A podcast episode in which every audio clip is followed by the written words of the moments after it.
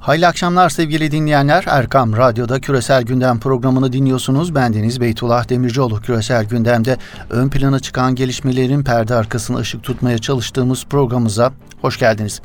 Körfez'deki yüksek tansiyonun nereye evrileceği sorusu küresel gündemde cevabı en çok merak edilen soru olarak ön plana çıkıyor. Amerika'nın Basra Körfezi'ne savaş gemisi nükleer kapasiteye sahip B-52 bombardıman uçakları ile birlikte 120 bin askeri sevk etme kararı almasının ardından bölgede hareketli günler yaşanıyor. Amerika Körfez'e sevkiyat kararının yanında Deir Zor'da İran destekli milisleri taşıyan konvoyu vurmuştu dün. Ardından da Bağdat'ta bulunan vatandaşlarına Irak'ı terk edin çağrısı yaptı. İran ise Haçlı Şabi'ye Amerikan askerlerinin bulunduğu noktalara yönelik saldırılar için hazır olun talimatı verdi. Almanya ve Hollanda'da Irak'taki askeri eğitim programlarını durdurmak kararı aldı. Yüksek tansiyonun siyaset dışında ekonomiye yansımaları da söz konusu. Saldırıların ardından ham petrolün vadeli varil fiyatı %1.38 yükseldi. Suudi Arabistan Bakanlar Kurulu olayların sadece Suudi Arabistan'ı değil küresel ekonomi ve dünyadaki enerji arz güvenliğini de hedef aldığını belirtiyor. Tüm bu gelişmeler bölgedeki gerilimin geldiği noktayı işaret ediyor sevgili dinleyenler. Gündemdeki soru bu gerilimin sıcak bir çatışmaya dönüşüp dönüşmeyeceği. İddia edildiği gibi yakında İran'a ABD bombaları ve füzeleri yağacak mı? Kimilerine göre tüm bu gelişmeler evet yaklaşmakta olan savaşın ayak sesleri. Kimilerine göre ise ABD'nin İran'ı geri adım attırmaya yönelik psikolojik savaşın bir parçası.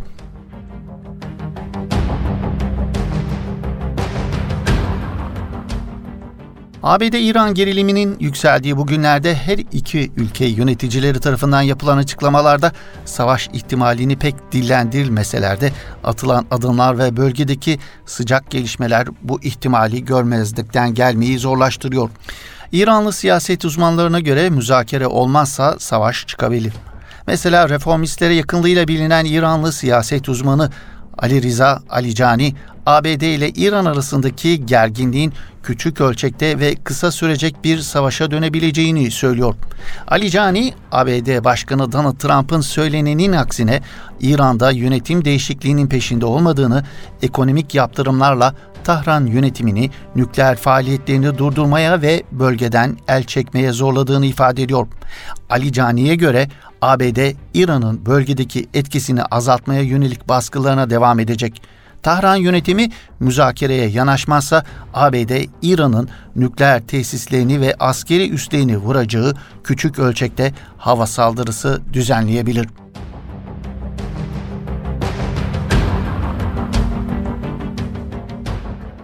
Iraklı emekli General Galip Salih'e göre ise yaşananlar tam bir savaş hazırlığı. Salih, Amerika ile İran arasındaki ilk çatışmaların Suriye ve Irak'ta yaşanacağını ileri sürüyor. Haçlı Şabi Musul Operasyon Odası Komutanı Rıdvan El Ganimi ise Irak'ta bulunan tüm ABD askeri noktalarını vuracak askeri güç ve donanıma sahip olduklarını belirtiyor. Siyasi gerilimin tırmandığı ve suların ısındığı ABD-İran hattında karşılıklı tehditler gelmeye devam ediyor. Gittikçe sertleşen söz düellosuna son olarak İran Savunma Bakanı Emir Hatemi ve Devrim Muhafızlar Ordusu Komutanı General Hüseyin Selami'den geldi. Askeri hazırlıklarının en üst düzeyde olduğunu belirten İran Savunma Bakanı ABD ve Siyonist cephe bu kez yenilginin acısını tadacak ifadelerini kullandı.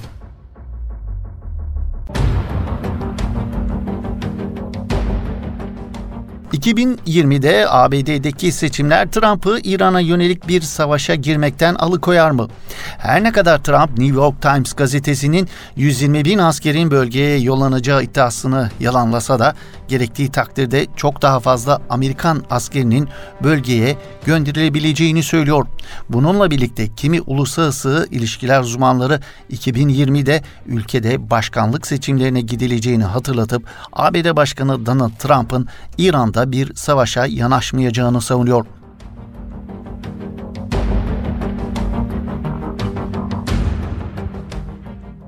Körfez'deki gerilim uluslararası analizlerde nasıl değerlendiriliyor peki? World Socialist web sitesinde yer alan analizde Kate Jonas imzalı ABD İran'ı savaşla tehdit ediyor başlıklı makalede Körfez'deki gerilimin perde arkasına ilişkin şu tespitlerde bulunuluyor. Orta Doğu'nun hali hazırda ABD'nin 1991'den beri bölgede önderlik ettiği ve kışkırttığı bir dizi yasa dışı savaşın sonucu olarak alevler içinde bulunduğu belirtilen analizde Irak'tan çok daha büyük ve daha fazla nüfusa sahip bir ülke olan İran'a yönelik bir ABD saldırısının çok daha yakıcı sonuçları olacağı uyarısında bulunuluyor. Analizde ABD emperyalizminin küçük ortakları olarak hizmet eden İsrail ve Suudi Arabistan kendi yağmacı çıkarlarının peşinde koşmakla suçlanıyor. Her geçen gün yükselen tansiyonun Suriye, Hizbullah, Iraklı Şii milislerden müteşekkil Tahran ile müttefik olan aktörlerin bölgesel bir savaşın fitilini ateşleyebilecekleri tespitinde bulunuluyor analizde.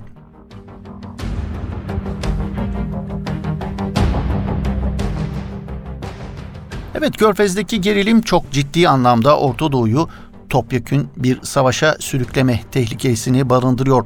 Böyle bir durumun ABD'nin 2003'te Irak'ı işgal etmesinin neden olduğu sonuçlardan çok daha ağır sonuçlar olacağı muhakkak. Peki Irak'tan 4 kat büyük ve onun 2 katından fazla nüfusa sahip bir ülke olan İran'a karşı bir ABD savaşının sonuçları ne olur? İran'a karşı savaşa hayır başlıklı makalesinde Bill Van Auken Bush yönetimi tarafından 16 yıl önce başlatılan savaşın 1 milyondan fazla Iraklı sivili öldürürken 4500 dolayında ABD askerinin hayatına ve 30 binden fazlasının da yaralanmasına mal olduğunu hatırlatıyor. Bu kez katliam yalnızca çok daha büyük olmayacak. İran'a karşı savaş kaçınılmaz olarak tüm bölgeyi içine çekeceği uyarısında bulunuyor. Buna göre ABD'nin Pekin'e karşı topyekun bir ticaret savaşı başlattığı şartlarda Washington'daki ordu istihbarat aygıtının ABD emperyalizminin büyük güç rakipleri olarak adlandırdığı aralarında nükleer silahlı Rusya'nın ve Çin'in de bulunduğu ülkelerin bu savaşa dahil olabileceği ihtimalinin altını çiziyor. Bilwan Auken İran'a karşı savaşa hayır başlıklı makalesinde.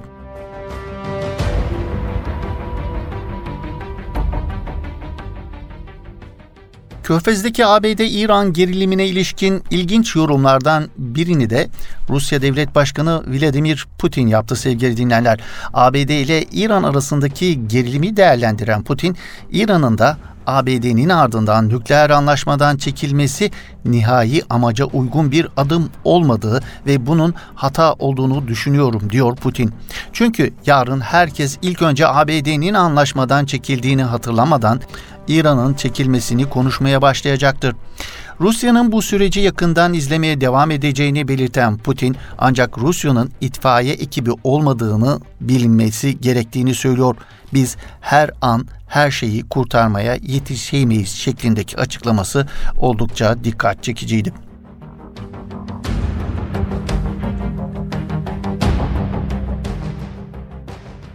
Evet ABD-İran geriliminden geçiyoruz. Türkiye-ABD arasındaki gerilime. Türkiye ile ABD arasındaki S-400 gerilimi sürüyor.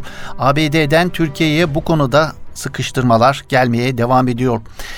Amerikan Temsilciler Meclisi'ndeki üst düzey Demokrat ve Cumhuriyetçi Parti üyeleri Türkiye'ye Rusya'dan S-400 hava savunma sistemi alımını iptal etme çağrısında bulundu. Temsilciler Meclisi Dış İlişkiler Komitesi'nde hazırlanan karar tasarısında Cumhurbaşkanı Recep Tayyip Erdoğan'a Rusya ile ABD-Türkiye ortaklığını ve Türkiye'nin NATO'daki rolünü tehlikeye atacak bir askeri ilişkiye girmekten kaçınması çağrısı yapıldı. Komitenin Demokrat Partili Başkanı Elliot Engel, Vladimir Putin ile yakınlaşmak kabul edilemez açıklamasında bulundu.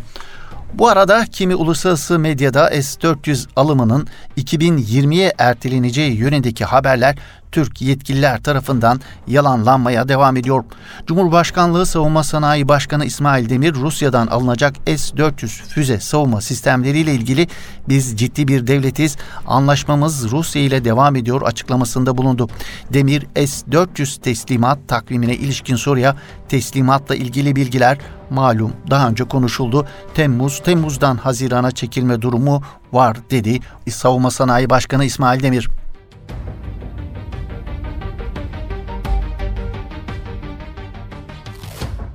Evet Ömer Elbeşir'in devrilmesi sonrası Sudan'daki yaşananlara bir bakalım. Dün Sudan'da askeri konsey ile muhalefetin çatı oluşumu özgürlük ve değişim bildirgesi güçler arasında geçiş sürecindeki tüm yönetim şekilleri ve etkiler konusunda uzlaşıldığı yönünde bir haber gelmişti. Bu uzlaşının ardından Sudan Askeri Geçiş Konseyi başkent Hartum'da ordu karargahı önündeki az göstericilerin üzerine ateş edilmesi üzerine muhalefet ile görüşmeleri 72 saat askıya alındığını açıkladı. Sudan'da muhalif güçlerin çatı örgütü Özgürlük ve Değişim Bildirgesi güçleri askeri geçiş konseyinin muhalefet ile görüşmeleri askıya almasının üzücü bir karar olduğunu duyurdu. Muhalif Sudan Doktorlar Komitesi'nden dün yapılan yazılı açıklamada kimliği henüz belirlenemeyen kişilerin silahlı ve sopalı saldırısı sonucu bir subay 6 kişinin hayatını kaybettiğini belirtmişti. Askeri Geçiş Konseyi'den yapılan açıklamada ise ordu karargahı önündeki saldırıda bir subay toplam 4 askerin hayatını kaybettiği ifade edilmişti.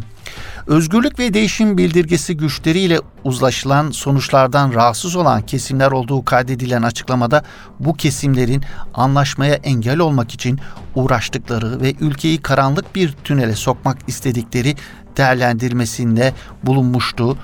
Sudan Muhalif Doktorlar Komitesi'nden yapılan açıklamada.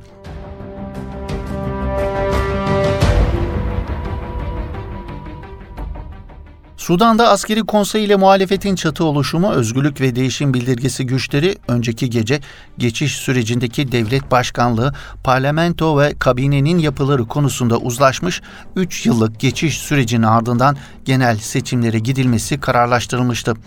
Bu gece ise tarafların nihai anlaşmayı imzalaması bekleniyordu. Anlaşmaya göre Sudan'da taraflar 3 yıllık geçiş sürecinin ardından genel seçimlere gidilmesini konusunda anlaştıklarını ifade etmiştik. Yine oluşturulacak 300 üyeli geçici parlamentonun %67'si özgürlük ve değişim bildirgesi güçleri tarafından doldurulacak kalanı diğer parti ve siyasi güçlerden oluşacak. 3 yıllık geçiş sürecinin ardından genel seçimlere gidilmesi konusunda uzlaşıya varılmıştı.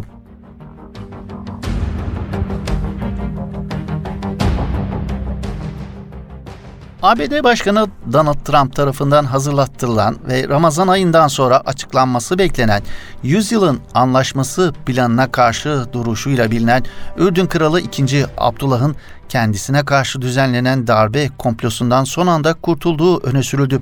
İsrail'i bir uzman son zamanlarda sokağa kışkırtarak Ürdün Kralı 2. Abdullah'ı devirmeyi amaçlayan bir komplonun ortaya çıkartıldığını ve kralın bu komployu kontrol etmeyi başardığını söylüyor.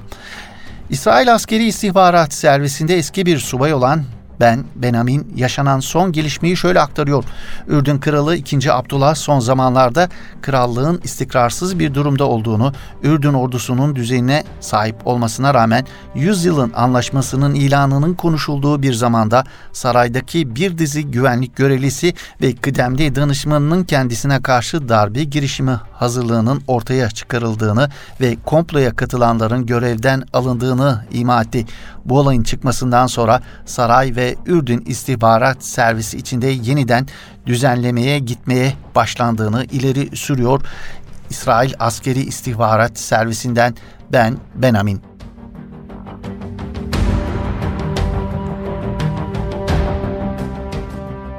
Filistin'le devam ediyoruz. İsrail'in 14 Mayıs 1948'de tarihi Filistin toprakları üzerinde kurulmasıyla zorunlu göçe ve katliamlara maruz kalan milyonlarca Filistinli Nekbe'nin yani felaket gününün 71. yılında vatanlarına dönmenin hayalini kuruyor. Her yıl hayallerine ulaşmaktan biraz daha uzaklaşan Filistinlilerin geri dönüş ve bağımsızlık gibi ulusal hedefleri son yıllarda amansız bir saldırıyla karşı karşıya bulunuyor. Arap dünyasının İsrail ile yakınlaşması ve normalleşme süreci Filistinlerin iç bölünmüşlüğü, uluslararası tarafların zayıf kalması ve ABD ile İsrail'in hukuk gözetmeyen yaklaşımları sonucu oluşan şartlar Filistin davasının son yıllarda karşı karşıya kaldığı en ağır durum olarak nitelendiriliyor. Filistinlileri Kudüs'ten vazgeçirmeyi planlayan ve Filistinli mültecilerin geri dönüş hakkını tanımayan ABD'nin 100 yılın anlaşması projesinin Arap ülkelerinin desteğiyle Filistin halkına kabul ettirilmeye çalışılıyor.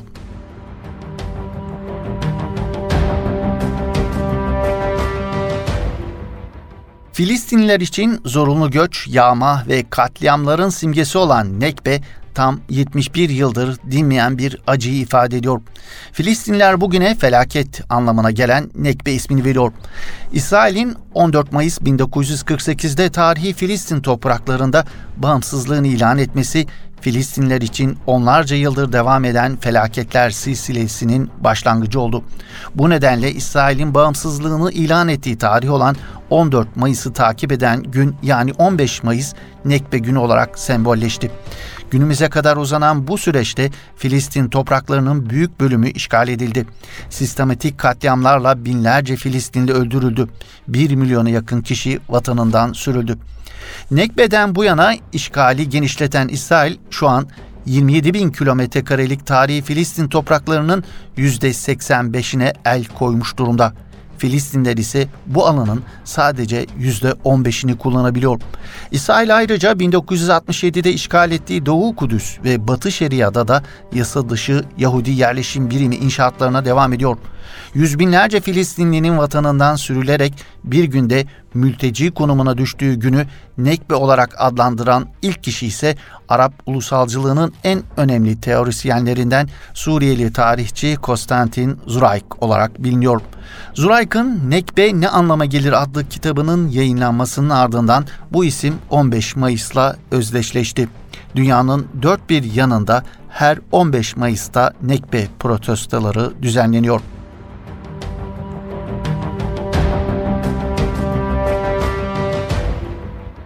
Filistinlilerin Nekbe ismini verdiği 15 Mayıs, Filistin ve İsrail toplumlarının zihninde taban tabana zıt şekilde algılanıyor.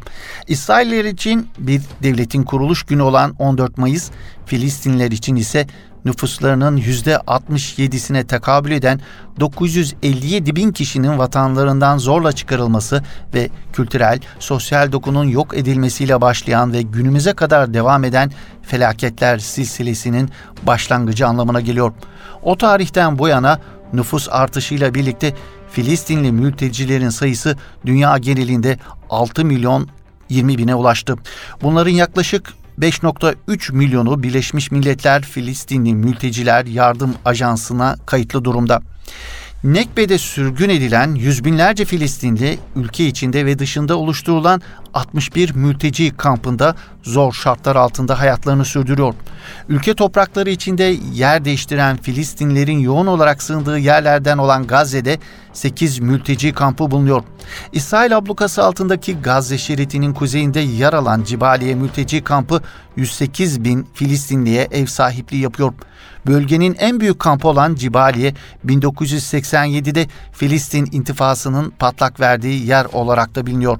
İsrail'in kuruluş sürecinde topraklarından ayrılmak zorunda kalan Filistinlerin sığındığı komşu ülkelerin başında gelen Lübnan'da 12, Ürdün'de 10, Suriye'de ise 12 mülteci kampı bulunuyor. Evet onlarca yıldır sürgün hayatı yaşayan milyonlarca Filistinli için Nekbe yani büyük felaket, zorunlu göç, yağma ve katliamların simgesi olmaya devam ediyor sevgili dinleyenler.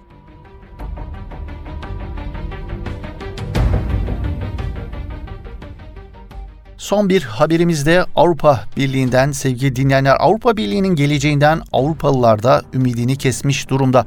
Avrupa Dış İlişkiler Konseyi adlı düşünce kuruluşu adına yapılan bir kamuoyu yoklaması Avrupalıların yarısından fazlasının Avrupa Birliği'nin 10 ila 20 yıl içinde dağılabileceğine inandığına işaret ediyor.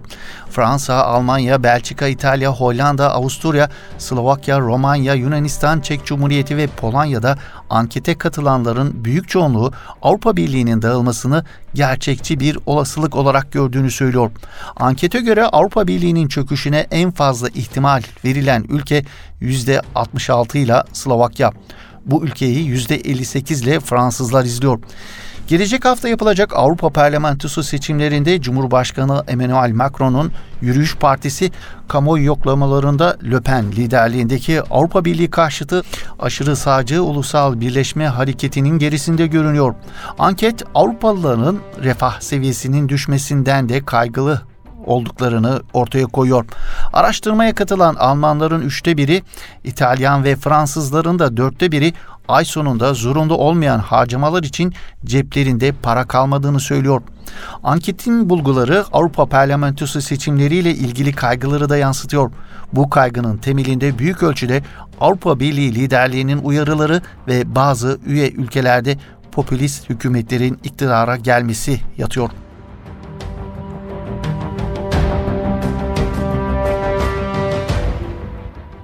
Evet bu haberimizde bugün de Küresel Gündem programımızın böylelikle sonuna gelmiş bulunuyoruz sevgili dinleyenler.